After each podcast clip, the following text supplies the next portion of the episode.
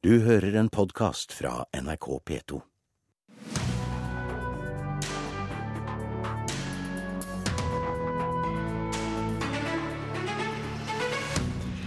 Det har aldri vært så mye valgstoff i norske medier som under denne valgkampen, og aldri har det vært så mange kilder å velge mellom.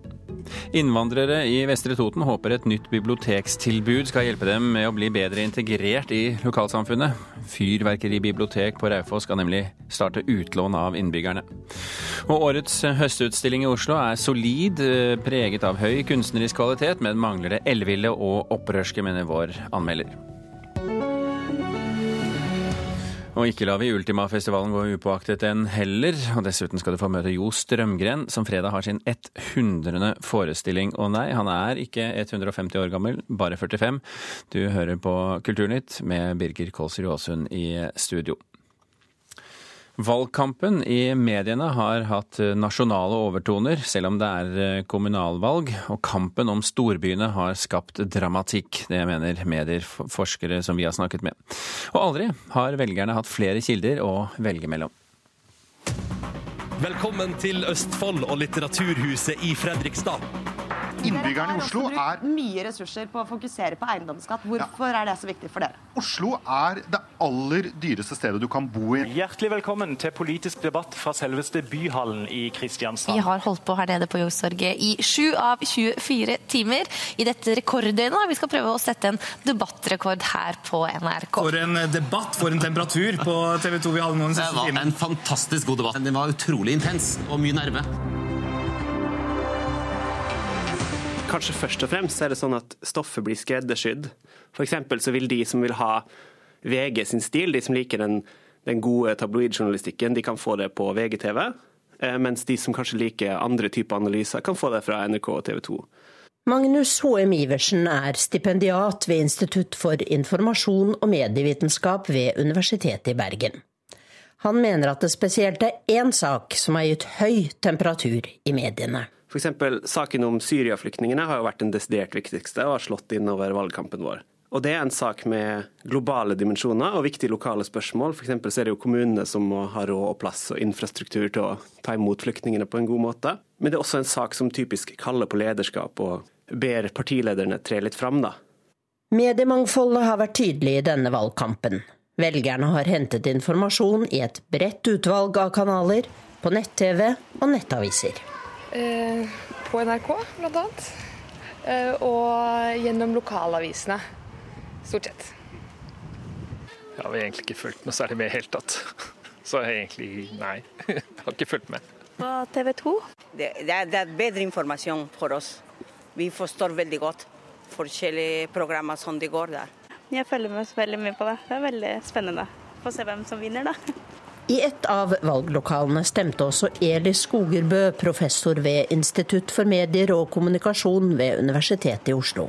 Valg er jo godt journalistisk stoff. Det, bærer, det, det har i seg konflikt, det har i seg eh, litt sånn eh, personfokusering. Masse ting som kan få folk til å engasjere seg. Så om det faktisk gjør det, eller om det blir for mye, det vet jeg ikke. Men jeg tenker at de som er interessert i valg, vil jo ikke få med seg alt, men de kan få med seg en god del. Har mediemangfoldet egentlig skapt større engasjement? Og har mediene nådd de ettertraktede unge? Ja, Det vil jo eh, valgresultatet faktisk vise om man har fått mobilisert unge velgere. Men jeg tenker igjen at det at sak, valgkampen har vært saksorientert, i alle fall sånn sett fra mitt ståsted, det vil jo appellere mer til unge velgere enn om det er bare fokus på hvem, hvem av de store aktørene som vinner. Det sa professor Eli Skogebø til reporter eh, Tone Staude. Og kollega av eh, Skogebø, Gunn Jenli, professor i medievitenskap også ved Universitetet i Oslo. Og dessuten leder for en forskningsgruppe som har valg og sosiale medier som tema. Velkommen til Kulturnytt. Takk skal du ha. Gunn Jenli, hva kjennetegner denne valgkampen? Ja, Denne valgkampen har jo vært preget av både fragmentering, på den måten at eh, valgkampen foregår på veldig mange plattformer, eh, men også en nasjonal orientering. Altså at man har søkt sammen om noen felles saker og noen felles fokus. Eh, sånn som det ble nevnt her, så har Syria-flyktningene dominert nå i den siste fasen. Men så har du sånn spørsmål som eiendomsskatt, som har vært veldig viktig i Oslo, men som ikke er viktig f.eks. i Kragerø. Ja. Da har man eh, lokale medier som uh, diskuterer disse lokale spørsmålene. Noen av de lokale spørsmålene løftes opp på nasjonalt plan. Sånn som Oslo er jo en veldig viktig by, hovedstaden. sånn at Formuesskatt eh, er også en sak som angår andre byer. Enten ved at de har det, eller at de ønsker å innføre det, noen partier. sånn at det, det blir en sånn generell diskusjon til en viss grad. Men dette mangfoldet som vi får beskrevet her, eh, skaper det bedre kvalitet i dekningen av, eh, av valget? Altså Det kommer litt an på hvordan man definerer begrepet mangfold. fordi at det, det, at det er mye mediedekning, behøver ikke å bety at mediedekningen er variert. Og dermed er det ikke sikkert det er mangfold. Men eh, eh, når det gjelder det at det er veldig mye dekning dette året, så skaper jo det en type situasjon hvor man kan velge hvor man vil eh, på en måte la seg oppdatere om valget. Eh, men man kan like gjerne velge å ikke se på noen ting. Så det er fullstendig mulig å ikke få med seg så mye om valget hvis man bare svinger unna alle, alle de arenaene hvor det foregår debatter på eller eh, politisk informasjon. Men vil du si at det har vært en mer mangfoldig eh, mediedekning av valget i år? Altså Til en viss grad så har man svar som kan si både og, da. Fordi på den ene siden, ja, det er mye mediedekning på mange plattformer, og man har fått en variert dekning. NRK har gjort mye nytt, eksperimentert, eh, og, og særlig forsøkt å nå unge velgere. Eh, det er jo type mangfold. Eh, og så er det f.eks. i Oslo så har man kanskje savnet en lokaljournalistikk som har fokusert på de Oslo-sakene, Oslo-kandidatene. Mm. Men, sånn kan det jo ha vært i mange byer også, for sånn så vidt. Ja. Ja. Men jeg vet at du har svart på dette mange ganger denne høsten, eh, men jeg har lyst til å spørre om det likevel. Eh, hvordan gjør partiene på sosiale medier, hvordan har de taklet den utfordringen i år? Nei, I år så har sosiale medier vært en etablert motorvei. Alle kjører på den motorveien. Alle vil delta. sånn at alle partiene har profiler på sosiale medier. Alle de sentrale kandidatene forsøker å nå velgerne gjennom den plattformen som sosiale medier tilbyr. Har de, den, har, de, lykkes? Ja, til en viss grad. Altså det, det, er jo en arena hvor man kan snakke direkte til velgerne uten medienes innblanding. Og da får man ikke kritiske journalistiske spørsmål, eller man blir ikke avbrutt, altså alle disse tingene. Sånn at, men man er nødt til å gjøre det tilpasset den arenaen. Tilpasset for deling, tilpasset for engasjement, og man er nødt til å være litt til stede og svare. Og da forstår jeg det slik at det, der er det et stykke å gå fremdeles for partiene? Ja, så Det er klart det er variert hva slags type ressurser man putter inn i denne type politisk kommunikasjon. Og noen eh, har et stykke å gå, kanskje, eh, og noen er flinke. Vi får se hvordan det blir neste valg, om vi har noe å sammenligne med da. Gunn Enli eh, ved Universitetet i Oslo, tusen hjertelig takk for at du kom til Kulturnytt.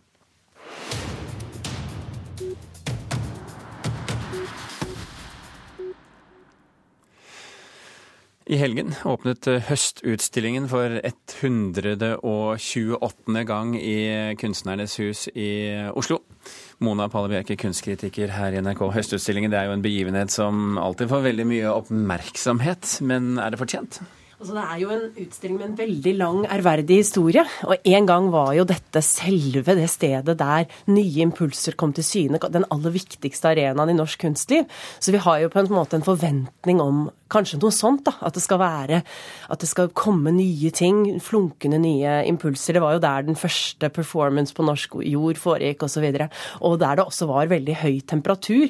Dette er jo vart helt fra begynnelsen av 1880-tallet. Og vi har mange historier om eh, ukvemsord som har blitt ropt til hverandre mellom kunstnere, kunstnere som har gått løs på pressen.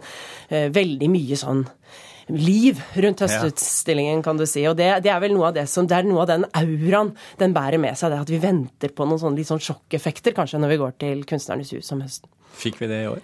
Nei, altså sjokkeffekten er nok langt på vei vekk. Og det er vanskelig å skape den type bruduljer i dag i kunstens verden. Det er så veldig, vi har så gjenstand for så veldig sånn bombardement i våre visuelle sanser, sånn at vi får nok ikke Det skal mye til.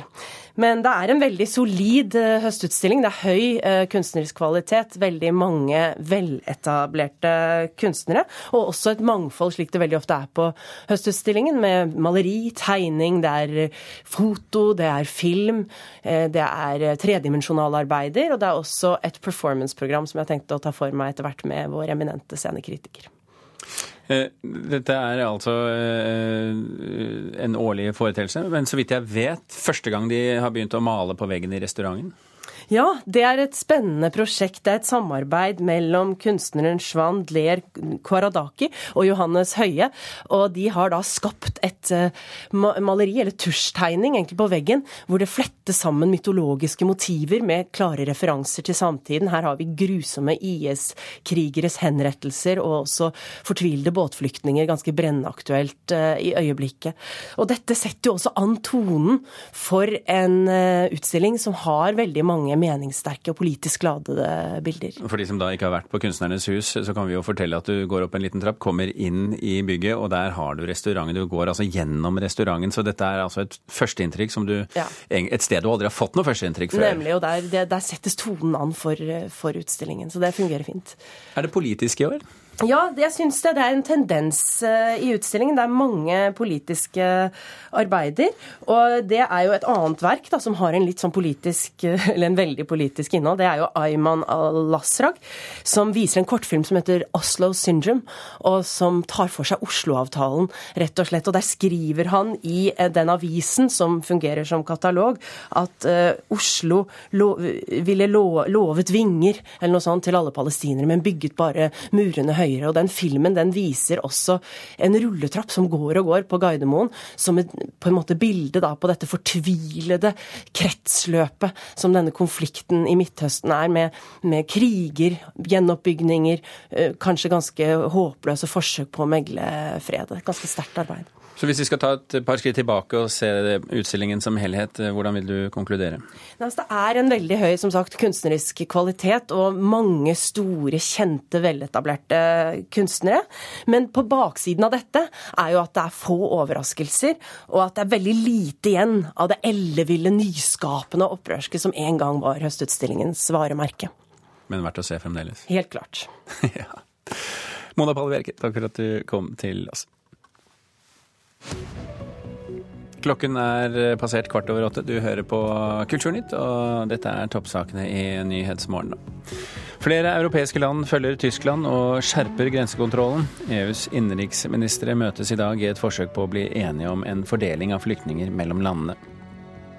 Tolv mennesker ble drept og flere skadd da egyptiske sikkerhetsstyrker ved en feil skjøt mot en bilkolonne med turister som krysset et ørkenområde. To av de drepte var turister fra Mexico, og ti var fra Egypt. Og Sigrun Vågeng blir utnevnt til ny toppsjef i Nav på fredag, ifølge Dagbladet. Vågeng har tidligere ledet ekspertutvalget som gransket Nav. Innvandrere i Vestre Toten håper et nytt bibliotekstilbud skal hjelpe dem med å bli bedre integrert i lokalsamfunnet.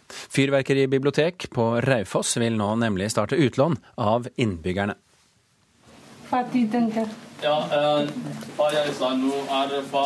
Mohammed Mulkhtar fra Somalia har framføring foran klassen på voksenopplæringa.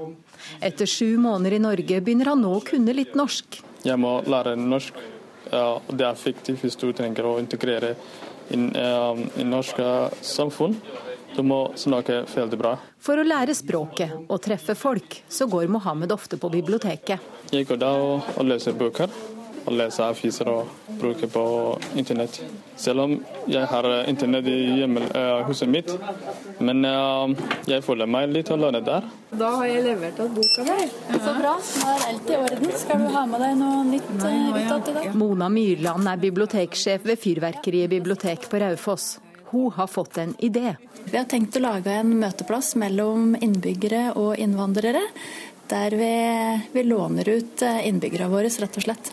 Innbyggere som melder seg til utlån, forplikter seg til å gi bort en time av tida si. Tre dager i uka skal lånere kunne møte folk som er til utlån på biblioteket. Tanken er jo at eh, jeg tror det ville vært veldig flott for en del, eh, særlig innvandrere, hvis de kunne ha si, hatt en samtale med ti forskjellige innbyggere. Da. Så betyr jo det at det er ti personer som vil si hei når de treffer noen på butikken eller på gata, eh, og at det kan være et viktig bidrag. Ja, Utgangspunktet høres veldig spennende ut. ja, ja. En times tid nå da, det kunne jo være greit, det. Hva tror du et sånt møte ville gi deg, ja? En forandring i hverdagen og litt spenning, ja. Eva Wam og Steinar Grønlin hilser tilbudet velkommen. Ja, Bli kjent med en annen kultur, kanskje. Ikke minst det. Det er jo kanskje det beste jeg ville kunne få ut av det. Å bli en venn med en flyktning. Hva skal man prate om? Er du innvandrere, så har de sikkert eh, litt å fortelle, og jeg har litt å fortelle om lokalstedet her, da, rundt på Toten f.eks. I klasserommet på voksenopplæringa øver Erika Fernandez seg på norsk foran klassa. Men kunne du tenke deg å låne en person, da? Ja, det er en uh, god sjanse til å, til å snakke norsk først. Til å bli kjent, og til å integrere i Norge. Ja, ja det er morsomt. Ja. Hvis du kan låne en person, men jeg, jeg bruker fire leverer tilbake. Hvis jeg låner en person, faen hvis jeg leverer ikke. Reporter i Raufoss, det var Jorunn Wang. Biblioteket håper å komme i gang med innbyggerutlån denne uken.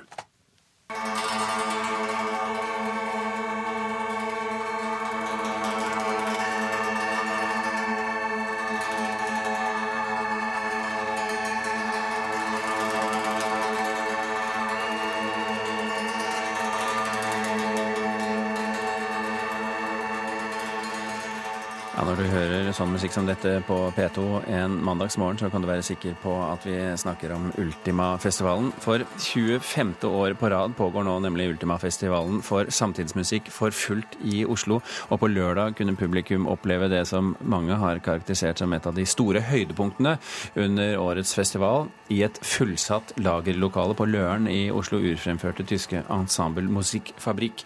Et nytt verk av den norske komponisten og støymusikeren Helge Steen Og Og musikkanmelder Øystein Sandvik eh, var til stede da selvfølgelig på denne konserten. Eh, fortell oss først og fremst, hvorfor er dette så spesielt?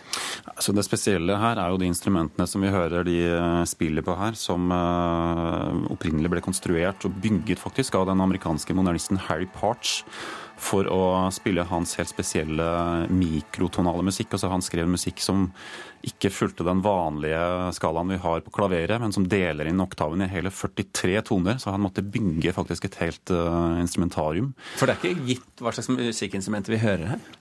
Nei, altså dette er vel Det vi hørte tydeligst her, er noe som uh, Parch kalte en kitarra. Altså det er en slags uh, multigitar som er stemt på veldig mange forskjellige måter, og som du kan da spille med en slags sånn glissando-aktig effekt. Men det er mange andre instrumenter også. Det er slagverksinstrumenter, og det er orgellignende ting. Et stort uh, instrumentarium. Men det som er spesielt, er jo det at uh, Parts har kanskje blitt oppfatta som et litt sånn sidespor i, i amerikansk uh, musikkhistorie. Men Ensemble Musikkfabrikk har på en måte plassert Parts, som da døde i 74, som kanskje den mest interessante amerikanske komponist i det 20. århundre. De har rekonstruert dette instrumentariet. De har vist frem flere av Parts hovedverker, skapt voldsom begeistring med det. Og det de gjør nå, er jo da å be unge komponister, bl.a. da Helge Steen her i Norge, om å skrive musikk for disse helt spesielle instrumentene. Hvordan klarer han seg? Ja, øh, han, øh, han øh, I sitt verk, da. Vi kan, vi kan høre litt mer av, av, stykket hans med det samme vi er i, i gang med å snakke vi, vi her nå. Kjører, vi kjører på.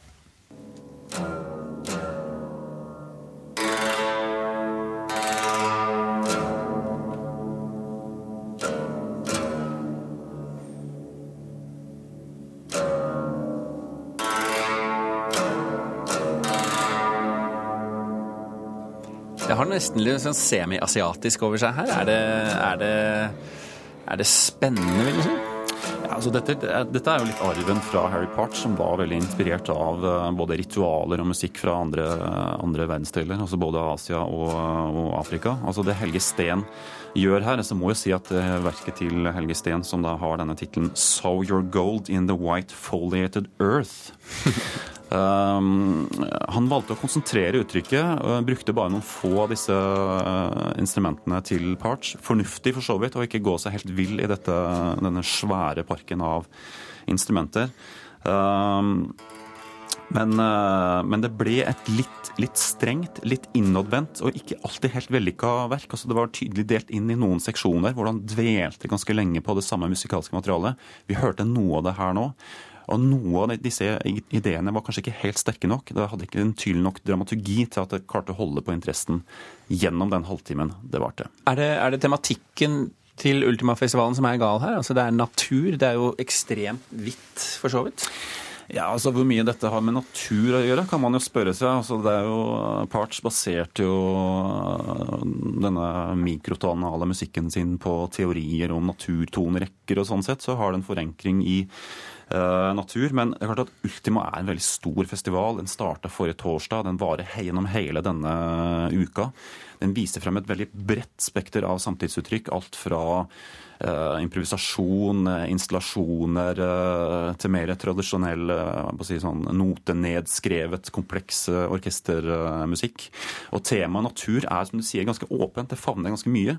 Og sånn sett så fremstår kanskje Ultima mer som summen av veldig mange ting enn noe som viser frem noe litt klart og tydelig. Det kunne man kanskje ha savna at eh, man valgte et litt mer konkret uttrykk som man valgte å fokusere på. Din kollega Mona Palle Bjerke eh, omtalte Høstutstillingen, eh, som også åpnet nå i helgen, som eh, høy kvalitet, men lite ellevill og, og, og, nyskapende. Eh, hva vil du si om, eh, om Ultimafestivalen generelt? Ja, du kan si at Samtidsmusikkfeltet har endra seg ganske mye i løpet av de 25 åra som, som festivalen har eksistert.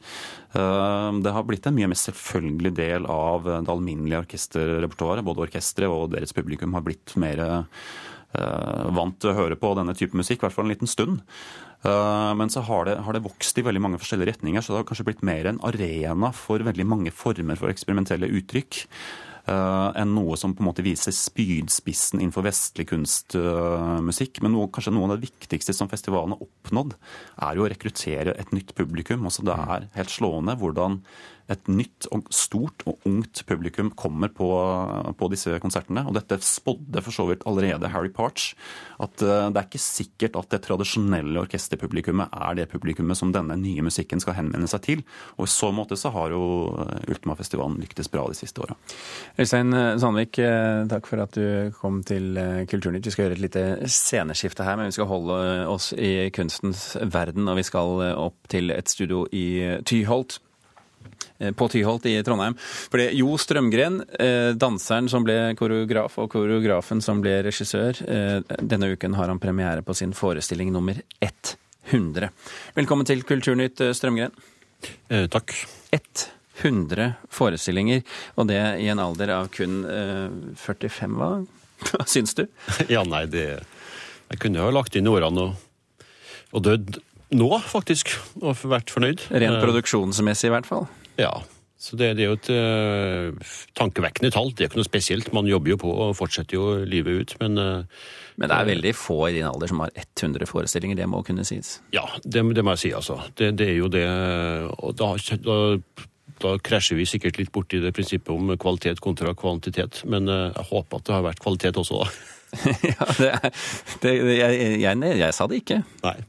Du, første gang Jo Strømgren ble nevnt i pressen var i 19 92, da var du med i en danseforestilling på Blackbox eh, eh, her i Oslo. Bare menn danser. Hvilke ambisjoner hadde du på det tidspunktet? Uh, ja, jeg hadde en, en ambisjon, og det var min egen sjef etter hvert. Uh, og jeg regna med at jeg kom til å aldri ha noe penger og aldri få noe særlige muligheter, men, men, i hvert fall glad og lykkelig uh, som person. men nå merker jeg at jeg etter hvert begynner å få i pose og sekk. Jeg klarer å leve av det. og og ikke bare i Norge, men også rundt omkring i verden. Og ja, anseelse osv. Er, det- er det derfor du har satt opp så mange forestillinger? Rett og slett for å tjene penger? Nei, Man må jo leve.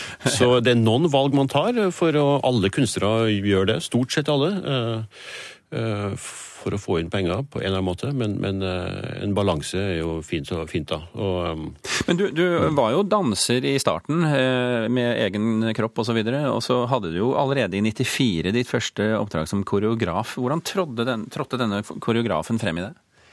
Ehm, nei, nei, man skal ikke være for pompøs eller lage en historie, men jeg, jeg tror rett og slett at jeg jeg er besatt av Jeg en sånn, sånn fantasifull eh, et hode, da. Jeg går og tenker mye og ser for meg ting og har lyst til å si mange ting. Så, så det, jeg tror det er sånn besatt uh, fortellertrang. Jeg tror det. Eh, jeg er ikke så veldig god til å fortelle historier på fest, men uh, jeg gjør det desto mer på en scene for et publikum. Det har jeg skjønt at jeg kan av nå. 100 forestillinger skulle jo være et slags bevis på det. Allikevel så har du ikke kommet lenger enn til konfirmasjonen. Nei. Altså I, min, I min hjemby. I din hjemby. Så langt kom jeg, vet du. Så langt kom du. Ja, nei, Det skal sies at du har satt opp forestillinger nesten over hele verden. Men altså denne gangen er det eh, Trøndelag Teater, og det er forestillingen Konfirmasjonen. Altså en festlig tragedie, kaller du det? Ja, det er jeg liker veldig godt, spesielt inn i eh, å ta tak i en del sånne enkle situasjoner som alle folk kjenner, og alle har et forhold til. Eh, og så tror folk at de skal se det, en slags sånn parodi over det de allerede kjenner. Og så klesker vi til med noe som er nytt og eh, overraskende. Nytt hvordan da? Um, nei, folk har jo alt, alle har jo vært på konfirmasjon og vet en del om ritualene og ting som skjer og sånn. Um, Men her skjer det også noe ekstra. Eh, Og det går jo ut på, på en måte det å, å, å skulle vokse opp, overgangen fra barndom til voksenliv. Eh, Jeg tviler på at egentlig det skjer så mye akkurat på den konfirmasjonsdagen. Men for mange er jo konfirmasjonen litt klein. Ja, men her eh, blir det kleinere enn eh, konfirmasjoner flest. Det går, Jeg liker veldig godt sånne historier som starter dårlig og bare blir verre og verre. Og til slutt, mot slutten da, så, det, så går, blir det bra igjen. Eller i hvert fall det er et lite håp. Det er en fin dramaturgi, syns jeg, på, Ja. på livet generelt. Da, det, vi, det kan være en dramaturgi vi alle kan ønske oss, i hvert fall den slutten. Eh, jo Strømgren, eh, det er altså premiere på fredag. Eh, Lykke til og gratulerer med din hundrede forestilling. Kulturnytt er i ferd med å runde av, som dere hører. Eh, Produsent Thomas Alvarstein Ove, teknisk ansvarlig Beate Haugtrø, og i studio Birger Kolsrud Aasø. Du har hørt en podkast fra NRK P2.